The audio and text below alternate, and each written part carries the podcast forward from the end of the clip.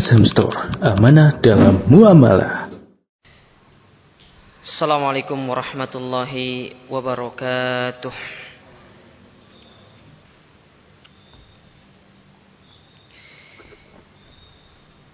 Innal hamdalillah nahmaduhu wa nasta'inuhu wa nastaghfiruh wa na'udzu billahi min shururi anfusina ومن سيئات أعمالنا.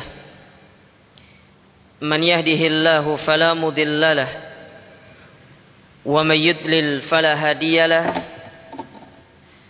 أشهد أن لا إله إلا الله وحده لا شريك له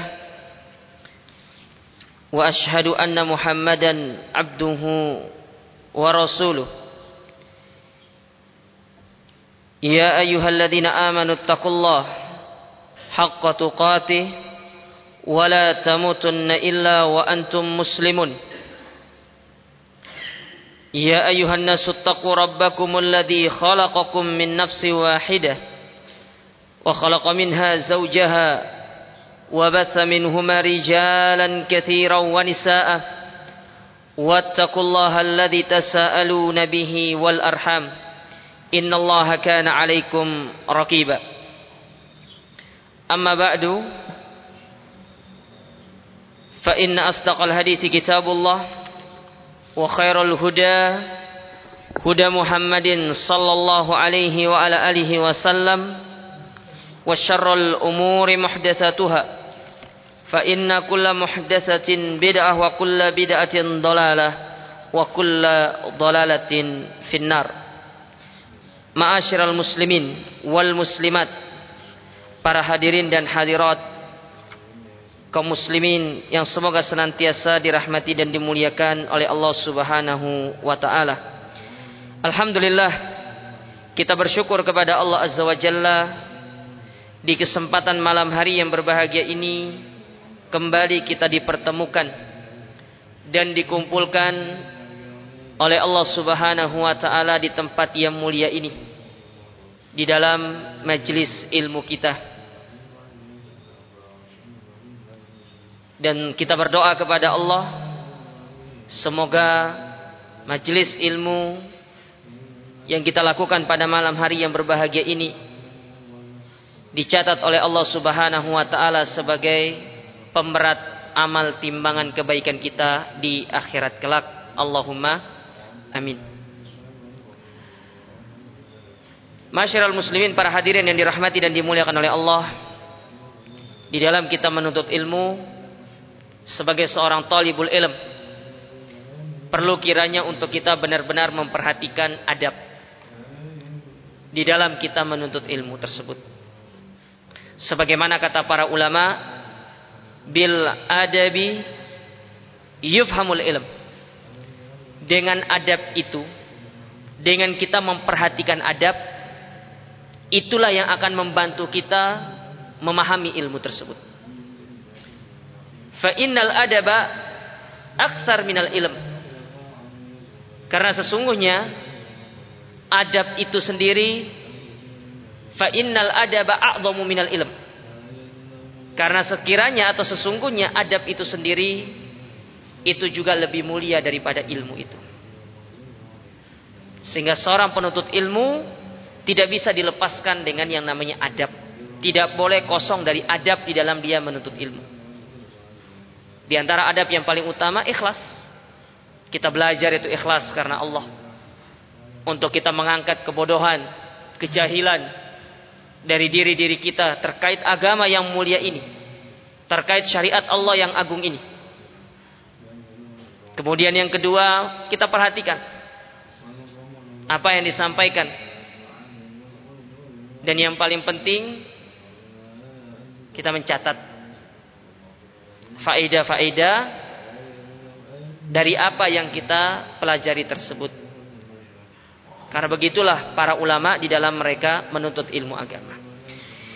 Kembali kita akan melanjutkan kajian kita membaca kitab Syarah Arba'in An-Nawawiyah masih pada hadis yang ke-8 yaitu pelajaran yang bisa diambil dari hadis yang mulia ini Dan kita memohon pertolongan kepada Allah semoga kita bisa menyelesaikan hadis yang ke-8 dan bisa ya sedikit masuk ke dalam hadis yang ke-9. Terakhir kita sampai pada poin yang keberapa? 11 kan? 10 ya? Masuk 10 atau 11? Berarti 11 sekarang kan? Baru 10. Taib. Poin yang ke-10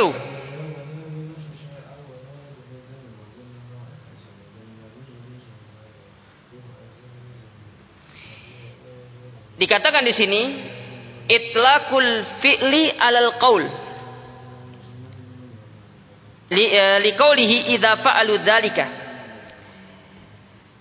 Yaitu memutlakkan perbuatan atas satu per, per atas satu ucapan.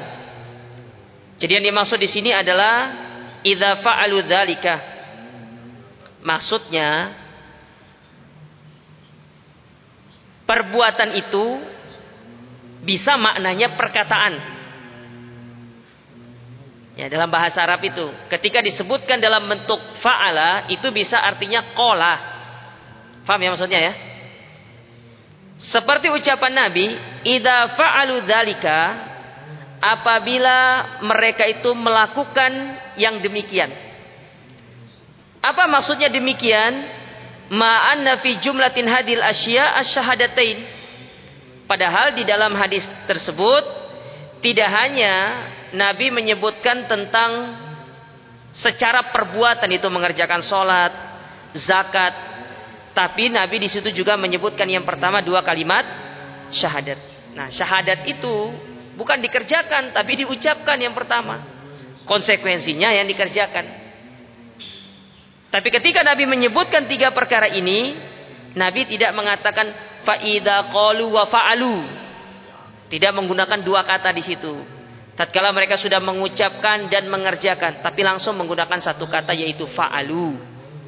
Maka dari sini maksudnya kata-kata fa'ala atau fi'il itu bisa bermakna uca ucapan. Faham ya maksudnya ya? Jadi tidak perlu Nabi menggunakan kata-kata qalu. Langsung saja fa'alu. Karena makna fa'alu itu sudah mengandung makna qalu. Ya. Kenapa ucapan atau kenapa kata-kata fa'alu itu bisa bermakna qalu? Wa wajhu dzalika annal qaula harakatul lisan. Karena ucapan itu adalah perbuatan li, lisan. Dan ketika lisan berucap dia itu bergerak. Ada nggak orang yang ngomong tapi lisannya nggak gerak? Lidahnya nggak gerak gitu ada nggak jadi antum ngomong tapi lidahnya diem gitu. Gimana maksudnya itu? Ah, ah, ah, itu kan tidak bisa. Pasti gerak kan? Pasti gerak dia. Makanya kenapa dikatakan bahwasanya ya perbuatan itu juga mewakili perkataan. Karena lisan itu ketika berucap dia ada sebuah gerakan dan gerakan itu disebut dengan perbuah perbuatan. Ya. Waharokatul lisan fi'lun dan lisan yang bergerak itu dikatakan fi'il perbuatan. Wa yasihu itlaqul fi'il alal qaul bi an yakuna qaula fi jumlati af'al kama fil hadis. Maka dibenarkan kalau kita memutlakkan perbuatan itu termasuk juga ucapan. Karena ucapan itu sendiri ada sebuah gerakan, yaitu gerakan dari li, lisan. Ya. Faham ya maksudnya ya? Ya, itulah intinya. Ya. ya. jadi tidak perlu Nabi mengulangi dengan ucapan kolu. Karena kalau antum baca hadisnya kan, coba perhatikan hadis itu. Aku diperintahkan untuk memerangi manusia sampai mereka bersyahadat. Bersyahadat itu dengan lisan atau perbuatan? Lisan. Mendirikan sholat. Itu lisan atau perbuatan? Gabung dua. Ibadah lisan dengan ibadah perbuatan. Ya. Karena antum mengucapkan zikir dengan lisan dan melakukan gerakan-gerakan sholat dengan anggota badan. Mengeluarkan zakat itu perbuatan. Ya. Nah di situ ada ibadah, ibadah lisan. Harusnya Nabi itu ketika mengatakan setelah menyebutkan syahadat, sholat, puasa, eh, eh, zakat, Nabi tidak tidak boleh mengatakan fa'alu dzalika tapi harus menambahkan fa idza qalu wa fa'alu dzalika. Tapi Nabi tidak mengatakan qalu, langsung menggunakan kata-kata fa'alu. Ya, karena dalam istilah orang Arab bahwasanya perkataan itu bisa bermakna perbuatan. Karena yang dihitung di situ adalah lisannya yang bergerak. Bisa dipahami sih, Nah. Makanya bahasa Arab itu luas maknanya. Ya, tidak satu. Luas. Baik. Bukan luas ya. Luas. Kalau luas itu apa? Orangnya luas gitu kan. Orangnya santui gitu kan. Apa santui itu? Gimana bacanya santui gitu ya? Gimana Gus? Santuy gitu. Biasanya Gen Z, Gen Z, Gen Z, generasi Z.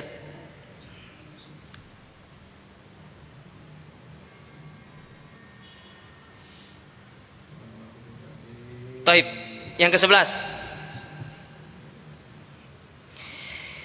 Annal kufaratu bahu dima'uhum wa amwaluhum. Bahwasanya orang kafir itu darah dan harta mereka itu boleh untuk diambil. Tapi tolong dicatat dengan cara yang benar. Bukan dengan cara yang frontal. Seperti siapa? Khawarij. Selalu contohnya khawarij pokoknya. Dalam masalah kayak gitu tuh. Ya. Memang nama-nama khawarid itu sebenarnya nama-nama khawarid itu jamaah itu dinisbatkan khawarid itu dinisbatkan ke kata khoroja. Khoroja artinya keluar. Kenapa mereka disebut dengan khawarid? Karena mereka keluar dari pemerintahan yang yang sah. Makanya dikatakan khawarij. Pada hakikatnya mereka itu adalah sebuah pemikiran. Ya. Makanya khawarid itu bukan hanya sekedar keluar dengan perbuatan, tapi dengan pemikiran itu sudah dikatakan apa? Khawarij.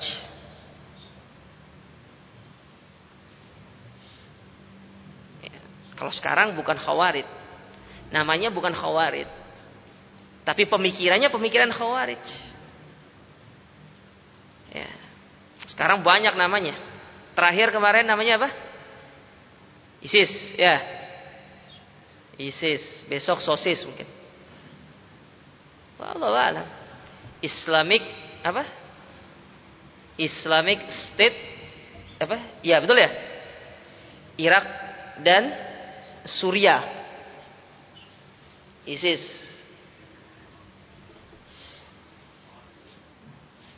Nah, itu pemikiran-pemikiran Khawarij. Hati-hati. Salah satu pemikiran yang top dari pemikiran Khawarij ini karena banyak pemikirannya. Mereka itu punya pemikiran satu, pemerintah yang tidak berhukum dengan hukum Islam, maka pemerintah ini adalah pemerintah yang kafir. Kalau sudah kafir, berhak untuk keluar. Nah, gitu dia. Sementara penafsiran dari Abdullah ibnu Abbas terkait masalah orang yang tidak berhukum dengan hukum Islam itu adalah kufrun duna kufur kekufuran tapi di bawahnya. Artinya tidak keluar dari Islam alias dosa be besar. Karena ada nanti rentetan hukum apa namanya hukumnya.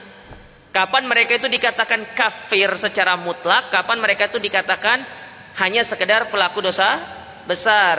Itu ada rentetannya ada istilahnya ada timbangannya tersendiri.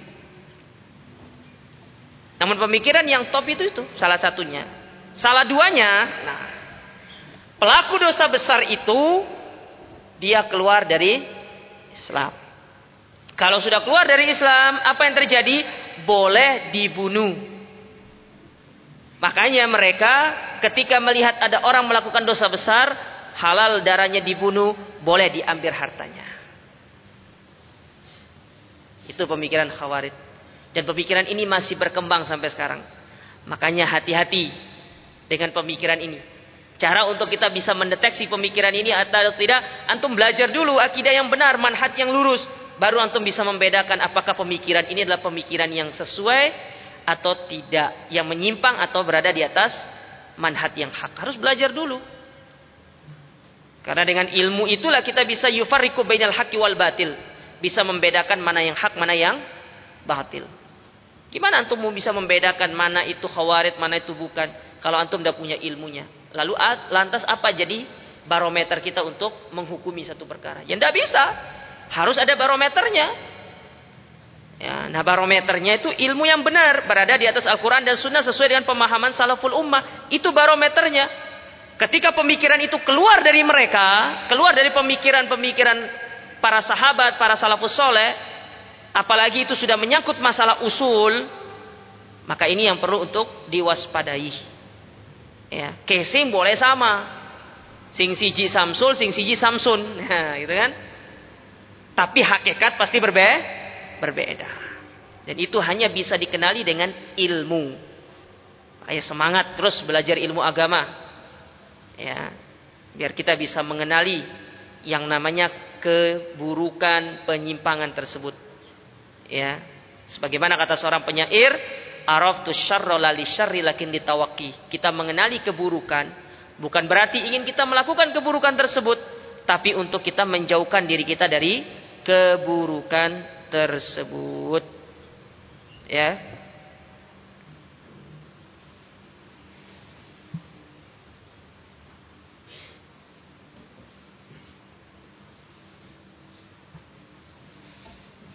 Taib.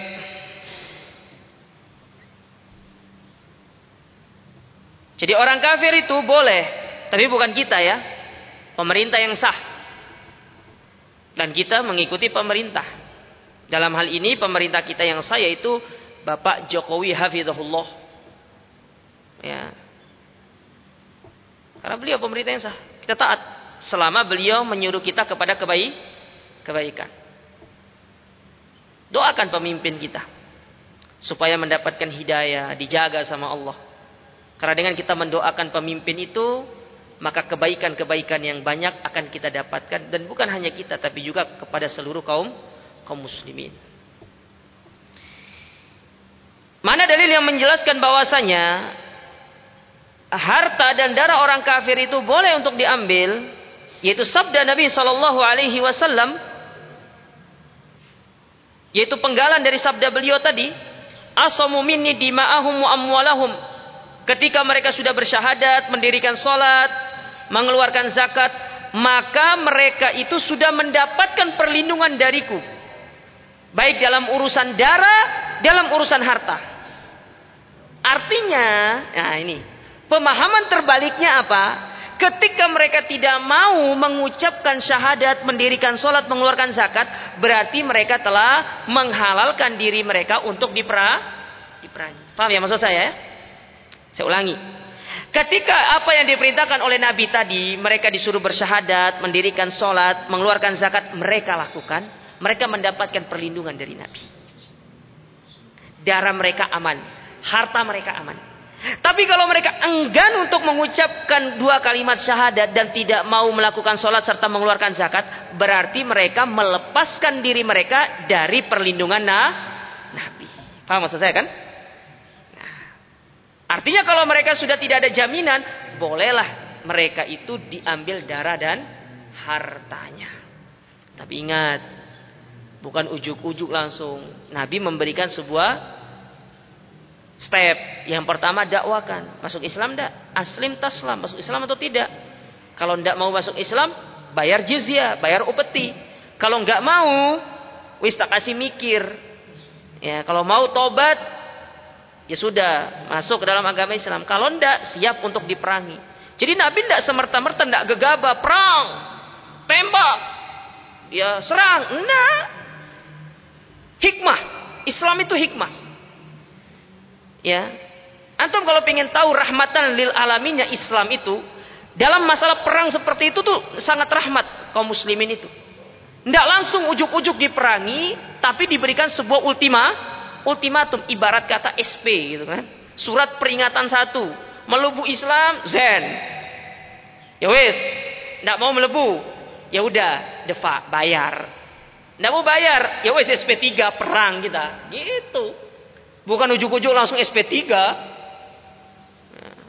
Nah, ini yang konsep yang salah dipahami oleh orang-orang khawarij itu.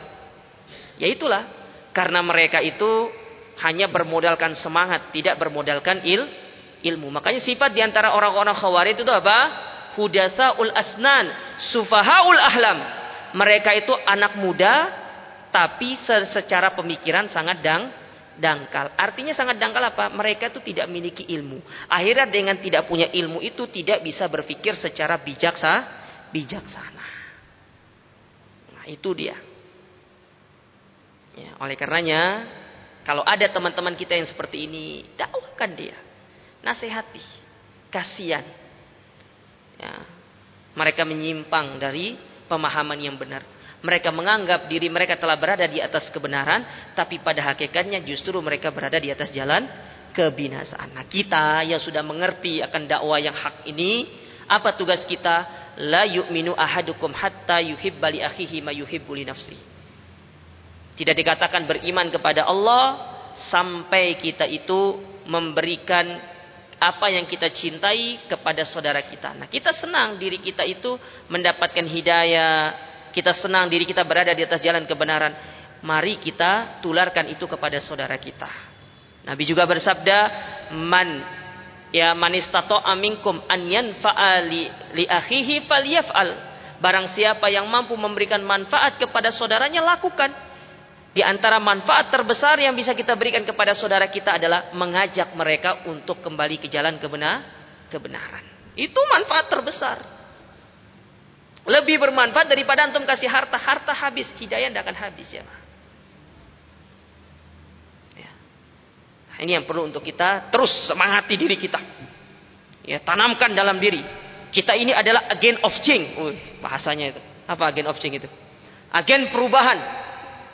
Ya, merubah pemikiran-pemikiran yang menyimpang menuju kepada pemikiran yang hak berdasarkan Al-Qur'an dan sunnah, tapi tentu dengan cara yang lembut.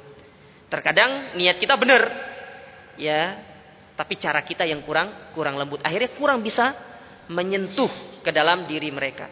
Ya, makanya kalau bisa kita menyentuh titik yang paling lemah, sentuhlah titik yang paling lemah yaitu hatinya saudara-saudara kita tersebut. Baik.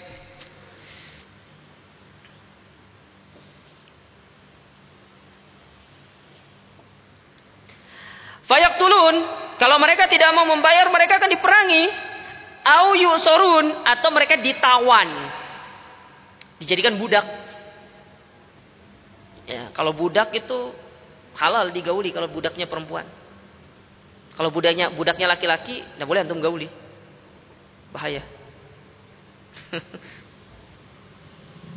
Ya.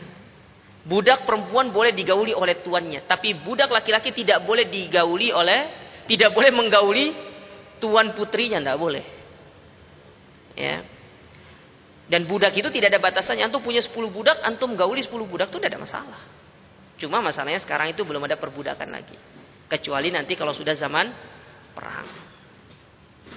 Ya.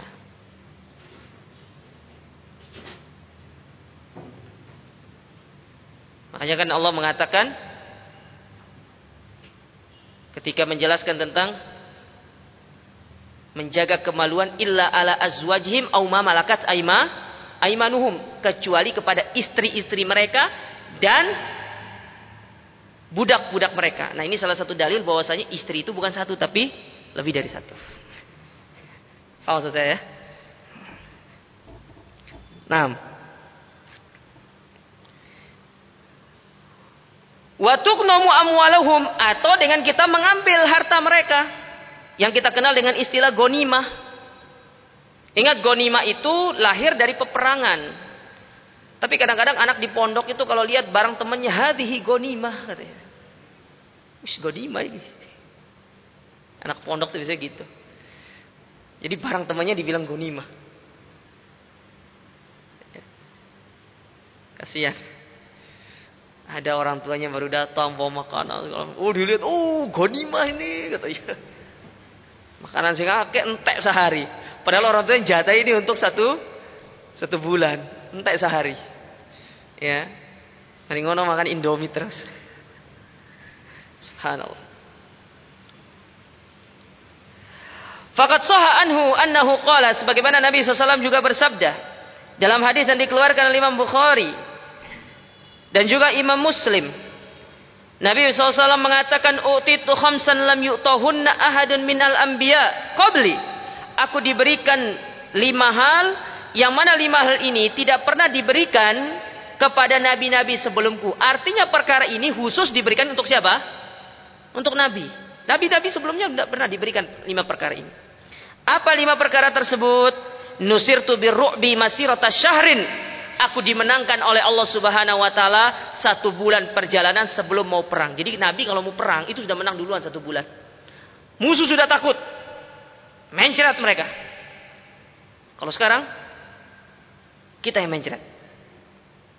Akhirnya kapsul hijau putih laku. Diapat laku. Kita yang takut.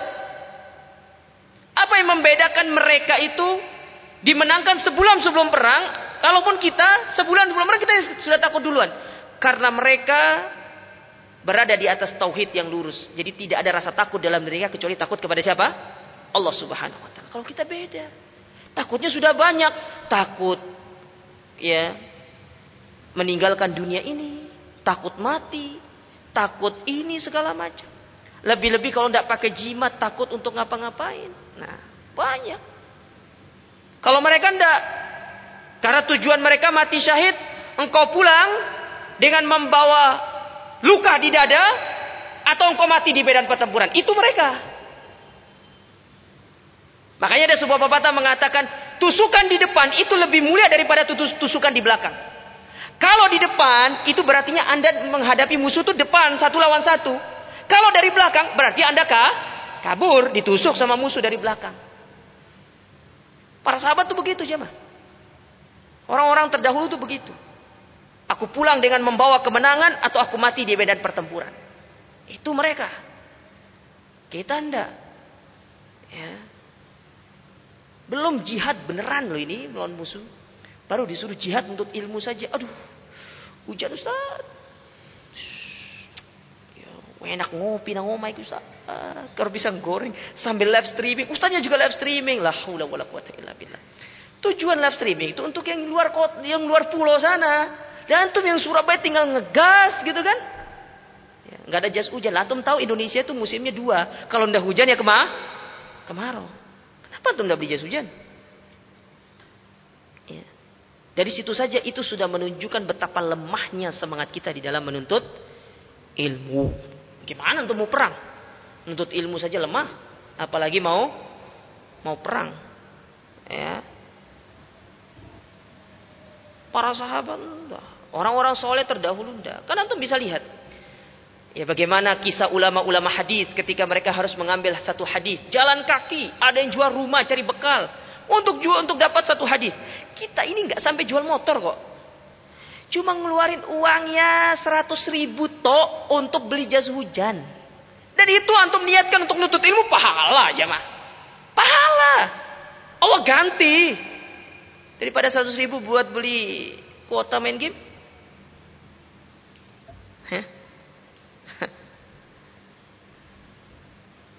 Justru di saat hujan itu pahalanya lebih besar daripada tidak hujan. Karena di situ ujiannya berat. Ya, dingin, ngopi, pisang goreng, tepak. Ya toh? Ya, seruput kopi dulu gitu kan. Nah. Ini bukan kopi air putih tapi.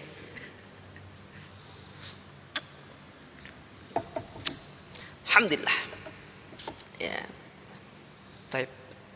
Lalu yang kedua, Wajuilat li al-ardu masjidan wa tahuran. Allah jadikan bumi ini sebagai tempat sujud di mana pun kita berada. Kecuali pada tempat-tempat yang itu dilarang untuk sholat. Maka kan antum bisa lihat fenomena kadang-kadang ada orang sholat di tengah jalan toh. Ya. Sah. Tapi jangan sholat yang tempat-tempat terlarang. Mana contohnya kuburan, atau sholat di mana? Toilet, gitu kan? Nggak boleh. Ya. Selain daripada itu sholat di mana pun. Sholat, Ustaz boleh nggak sholat di lapangan bola? Boleh. Sholat jamaah di lapangan bola, tidak masalah. Kalau bi kalau bisa satu kampung misalkan karena tidak buat masjid, sholat di lapangan, boleh, tidak ada masalah. Itu bagus. Kecuali kalau ada masjid dekat situ, besar ya sudah sholat di masjid aja. Nah, misalkan jauh masjidnya, misalkan ya ruangan kosong itu dijadikan sebagai tempat sholat. Ya. Watohuron suci apa maksudnya? Bisa dipakai untuk bertayam, tayamum itu maksudnya. Antum tidak ketemu sama air, bisa pakai tayamum. Dan tayamum itu praktek yang benar itu bukan sekali, dua kali, sekali aja. Ya, prakteknya itu sekali seperti yang pernah dicontohkan antum pernah lihat videonya Ustaz Firanda itu. Nah, sekali hapus ya ya tibo kan? Sekali hapus muka tangan kanan tangan kiri. Selesai. Bisa dipakai untuk sholat. Ya. Kalau tayamum itu bisa bertahan satu hari satu malam. Antum tidak usah. Misalnya kalau tidak batal-batal ya satu hari satu malam. Ya sama seperti wudhu juga gitu. Tapi bagi orang yang mukim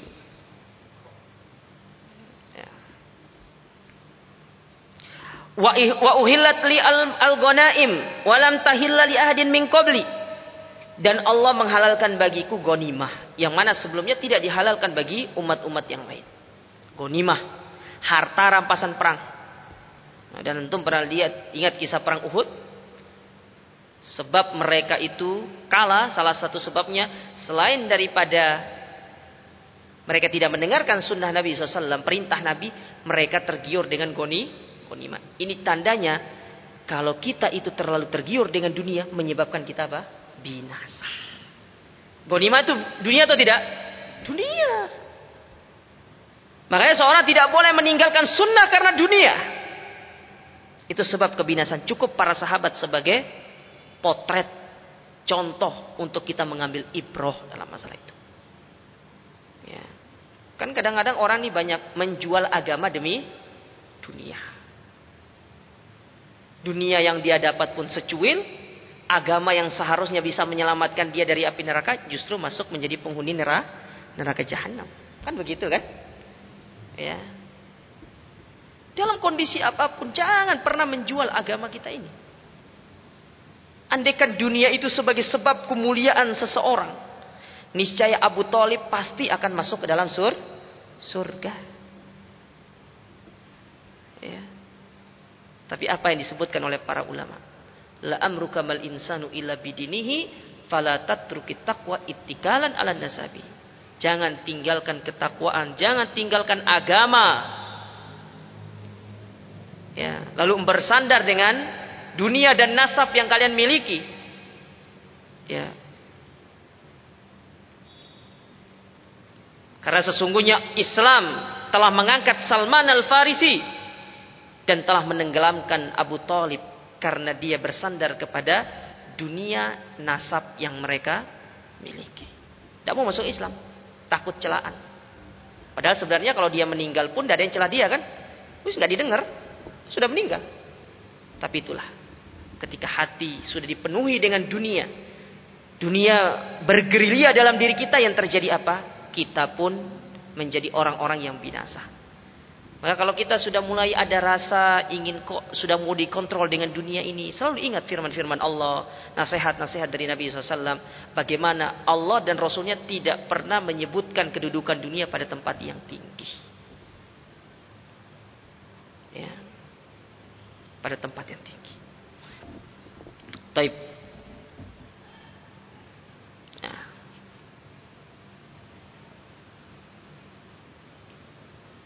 Yang ke-12.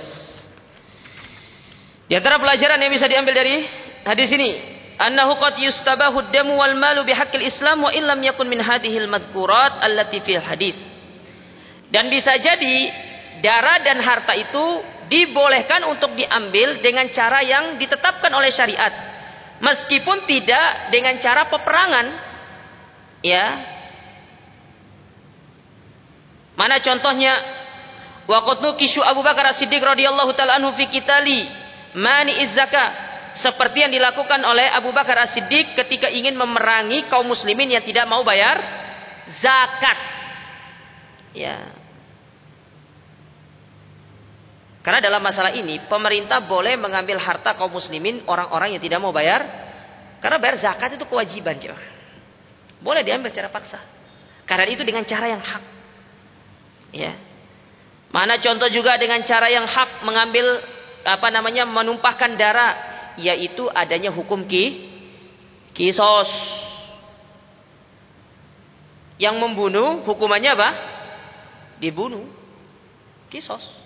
Kecuali kalau pihak keluarga itu memaafkan dan bersedia misalkan pihak keluarga oh saya maafkan tapi dia harus ganti rugi 100 ekor onta makanya pernah ada cerita itu Syekh bin Ba sama Syekh Albani Syekh bin Bas ini kan buta orangnya Syekh Albani ini orangnya itu tidak buta, beliau tuh senang nyetir. Satu ketika, ya murid ya Syekh bin Bas sama murid Syekh Albani ya, pernah mengatakan kepada Syekh bin Syekh Albani kan Syekh Albani kalau nyetir itu ngebut kan, ngebut. Ya itulah para ulama. Ya senang ngebut juga para ulama itu. Bilang murid ini ke Syekh Albani, ya Syekh, ada salam dari Syekh bin Baz. Kalau nyetir itu jangan ngebut-ngebut, pelan-pelan aja. Ya. Apa apa jawaban Syekh Albani? Salam sama Syekh bin Bas itu, beliau itu tidak tahu rasanya nyetir. Karena beliau buta. Otomatis nggak bisa nyetir kan? Tapi disupiri. Salam sama Syekh Alban, Syekh bin Bas itu beliau itu tidak bisa nyetir. Ya, tidak tahu rasanya nyetir itu seperti apa. Disampaikanlah kepada Syekh bin Baz. Ya Syekh, ada salam dari Syekh Albani. Ya, perihal nasihat antum dibilang jangan terlalu ngebut. Lalu beliau bilang salam sama Syekh bin Baz itu karena Syekh bin Baz nggak tidak tahu rasanya nyetir. Iya, salam balik sama Syekh Albani itu. Dia belum tahu rasanya bayar 100 unta itu Kan kalau nabrak bayar 100 unta coba. Ya, para ulama itu bercanda tapi dengan ilmu. Nah kita bercandanya, guyonnya Nah, mereka bercanda tapi dengan ilmu. Ya.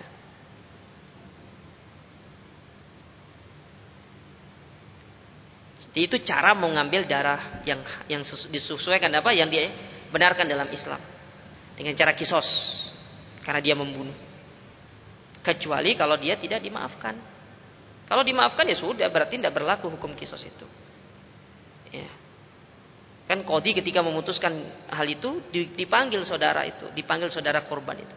Gimana mau dikisos gak nih? Ya sudah kisos untuk menebus. Ya oh sudah saya maafkan tapi dia harus bayar 100 ekor onta misalkan seperti itu. Ya. Baik.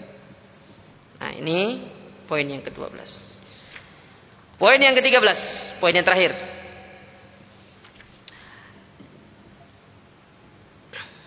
Anna hisab al-khalqi ala Allah azza wa jalla bahwasanya hisab makhluk itu di sisi Allah. Wa annahu laisa 'ala rasuli ilal balagh. Adapun tugasnya rasul itu hanya menyampai menyampaikan. Sama. Tugasnya dai itu adalah menyampaikan. Enggak boleh maksa. Wa kadzalika laisa 'ala man warasa rasula ilal balagh. Begitu pula mereka-mereka yang mewarisi para nabi mewarisi Rasul. Maksud maksudnya ini adalah para dai. Hanya sekedar menyampaikan wal hisab Allah. Adapun hasilnya sudah serahkan sama Allah taala. Kita itu hanya menyampaikan. Adapun urusan dia dapat hidayah atau tidak itu di tangan. Makanya hidayah itu dalam Islam dibagi berapa? Dibagi berapa? Bagi dua. Yang pertama ada namanya hidayatul irsyad yaitu kita menyampaikan hujah, menyampaikan kebenaran, kita menjelaskan kebenaran kepada mereka.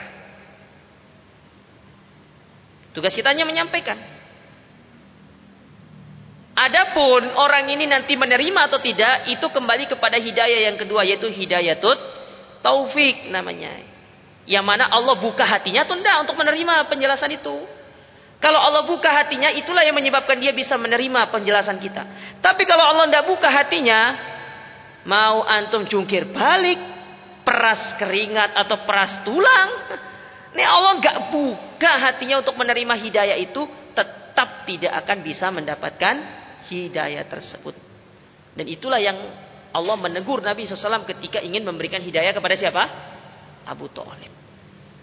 Kita tidak bisa memberikan hidayah kepada siapa yang kita cintai. Tapi hidayah itu Allah berikan kepada siapa yang Allah kehendaki. Ya.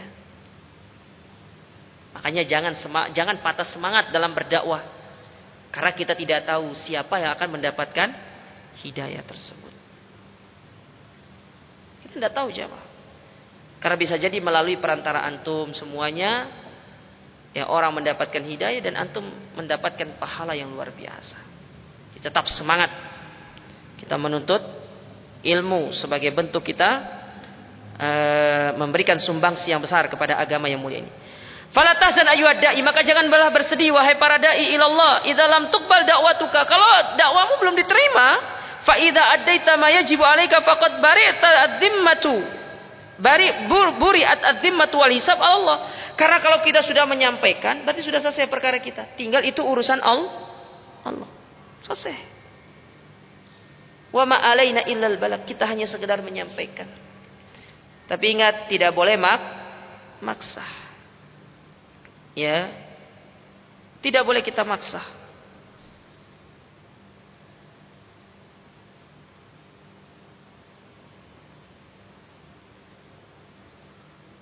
Kata Allah Subhanahu wa taala dalam surat Al-Ghasyiyah, "Laisa 'alaihim bimusaitir." Kamu tidak punya kehendak untuk memaksa mereka.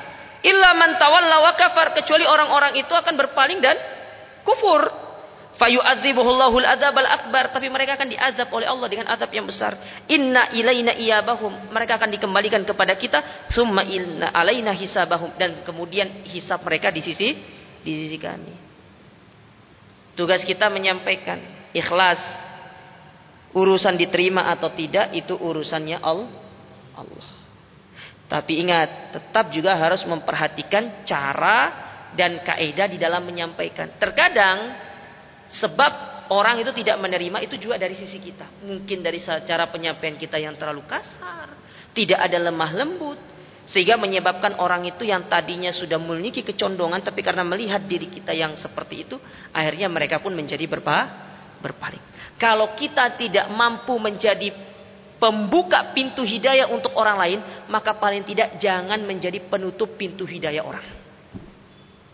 Paham ya? Kalau kita tidak mampu membuka pintu hidayah atau mengajak dia kepada hidayah tersebut, paling enggak jangan menjadi penutup pintu hidayah untuk orang itu. Dengan cara dan sikap kita yang arogan di dalam menyampaikan hidayah ini kepada mereka. Jangan jangan. Ya. Karena ingat hisapnya berat di hadapan Allah Subhanahu wa taala. Fala tahzan ayyuhad Maka janganlah bersedih Wahai dai ilallah, idza radda qauluk atau idza rudda qauluk, kalau perkataanmu ditolak, atau idza lam yuqbal li awwali marrah, apa atau mungkin ketika engkau menyampaikan mereka tidak menerimanya, li annaka addaita ma yajibu alaik, karena engkau sudah menunaikan apa yang menjadi tugasmu. Ya. Walakin i'lam annaka idza qulta haqqan turidu bihi wajhullah wajhallah fala budda an yu'thar atau yu'athar karena ingat, kalau engkau menyampaikannya dengan hak, dengan mengharapkan wajah Allah, maka pasti akan ada bekasnya. Makanya kan sering kita sampaikan, ma kharaja min qalbin waqa'a ala qalbin. Apa yang keluar dari hati, mengharapkan wajah Allah pasti nyangkutnya di mana? Di dalam hati. Kalau tidak keluar dari hati, itulah yang kita sering kenal istilah masuk telinga kanan, keluar telinga. Nah, itu dia. Jadi salahnya di kita, bukan orang yang menerimanya di kitanya yang salah. Salah di dalam memberikan sebuah penyampaian kepada mereka. Ya, makanya uslub gaya berdakwah itu penting untuk diperhatikan. Supaya maksud dan tujuan dari dakwah itu tersampaikan kepada orang-orang yang ingin kita dakwakan. Baik. Lalu di sini saya membawakan kisah Nabi Musa. Ya, dan nanti untuk bisa membacanya.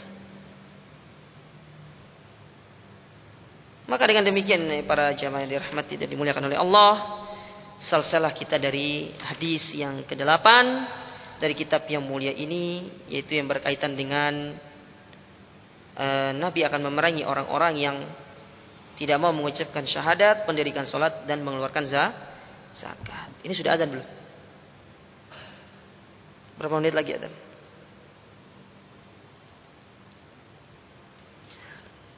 Empat menit lagi. Tuh, kita baca. Sekarang kita masuk ke hadis yang ke-9.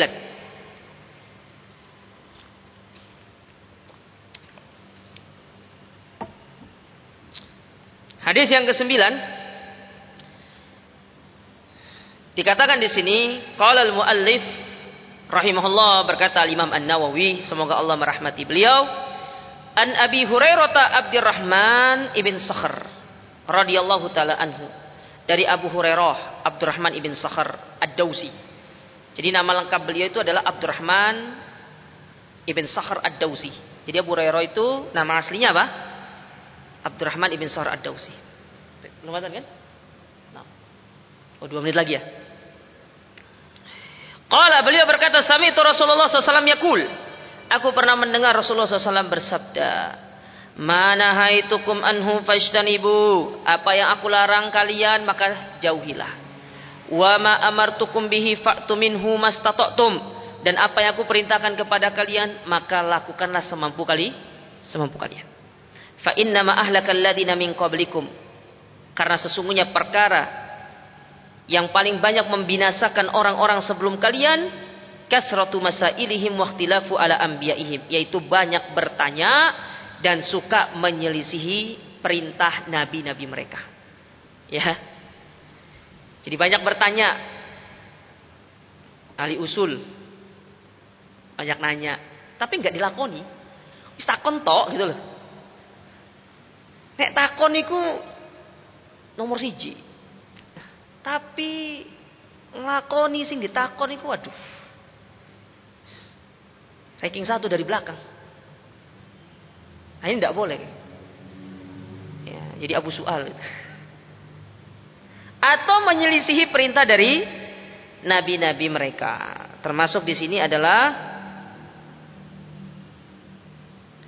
ya termasuk di sini adalah kita yang suka menyelisih perintah nabi kita yang mulia alaihi salatu wassalam.